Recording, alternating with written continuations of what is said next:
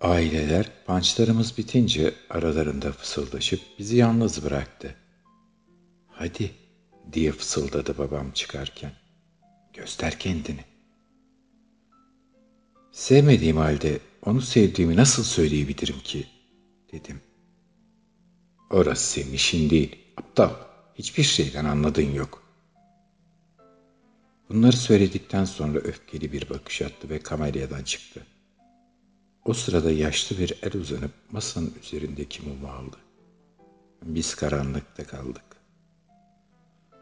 Yapacak bir şey yok diye düşündüm ve hafifçe öksürüp coşkuyla başladım. Zoya Andreevna, ortam da benden yana. Sonunda yalnız kaldık. Buradaki karanlık yüzümdeki utancı görmenizi engelliyor.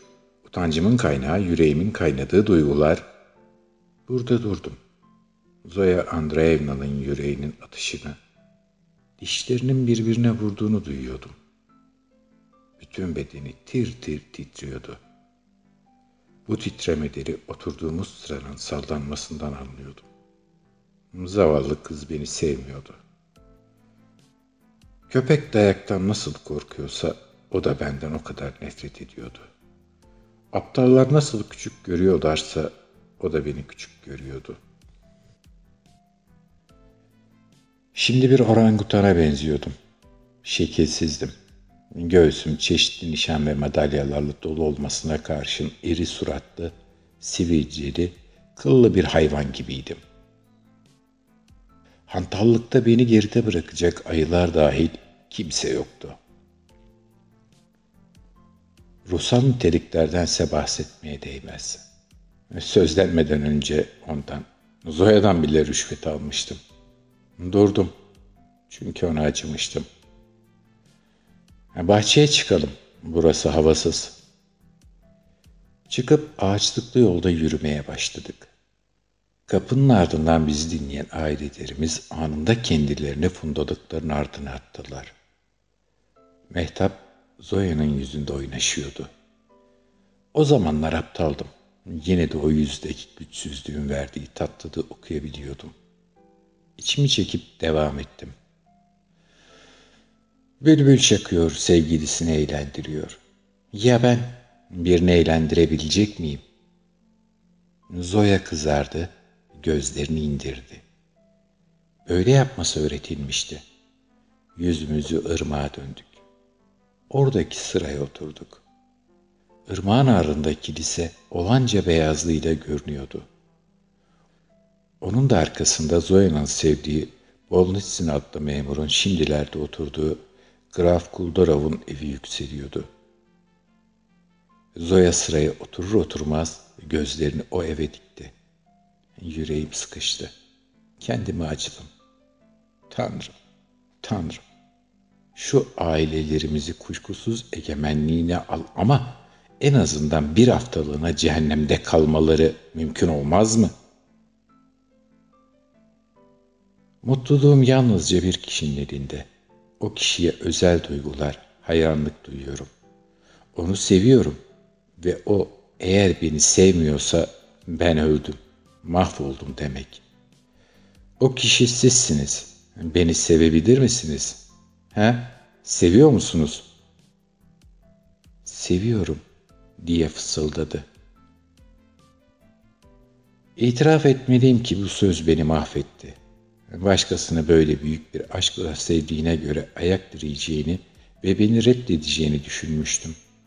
İstediğim de tam buydu ama tersi oldu. Anlaşılan ailesine karşı çıkmayı göze alamadı. Seviyorum diye yeniledi ve ağlamaya başladı. Olamaz efendim diye başladım. Ne dediğimi kendim de bilmeden. Tir tir titriyordum. Olacak şey mi? Zoya Andreevna. Canım benim inanmayın. Tanrı aşkına inanmayın. Sizi sevmiyorum. Eğer seviyorsam lanetler olsun bana. Siz de beni sevmiyorsunuz. Bütün bunlar saçmalık. Kalktım ve sıranın çevresinde yürümeye başladım. Olmaz. Bu tam bir komedi. Zoya Andreevna. Mal mülk için bizi zorla evlendirecekler. Ne sevgisinden bahsediyorsunuz? Boynuma taş bağlayıp atlarım şu suya daha iyi. Lanet olsun. Ne hakları var? Biz neyiz onlar için? Köle mi? Köpek mi? Evlenmeyeceğiz. İnadına. Zavallılar. Onların suyundan gittiğimiz yeter. Şimdi gidecek ve sizinle evlenmek istemediğimi söyleyeceğim. İşte bu kadar. Zoya'nın gözyaşları birden dindi. Hatta gözleri o an kurudu. Gidip söyleyeceğim. Siz de söyleyin. Beni hiç sevmediğinizi, Blondes'ini sevdiğinizi söyleyin. Ben de onun tarafındayım. Onu tutkuyla sevdiğinizi biliyorum. Zoya mutlulukla gülümsemeye başladı ve yanıma geldi. E, siz de başkasını seviyorsunuz, dedi ellerini ovuşturarak. Matmazel Debe'yi seviyorsunuz. Evet, Matmazel Debe. Ortodoks olmasa da, zengin olmasa da onu seviyorum. Onu yüreği tertemiz olduğu için, akıllı olduğu için seviyorum. İsterlerse lanetlesinler. Ben yine de onunla evleneceğim. Onu seviyorum. Belki de hayatımdan daha çok. Onsuz yaşayamam. Onunla evlenmezsem yaşamak da istemem. Şimdi gidiyorum. Hadi gidip şu soytarılara söyleyelim. Sağ ol canım benim. Beni rahatlattın. İçim mutlulukla doldu. Birbirimize teşekkür etmeye başladık. İkimiz de mutluyduk. Sevinçliydik. Birbirimizin elini öpüyor, birbirimizin asilce davrandığını söylüyorduk. Ben onun elini öpüyordum, o da benim başımı ve fırça sakallarımı. Hatta bir ara her şeyi bir yana bırakıp ona sarıldım bile.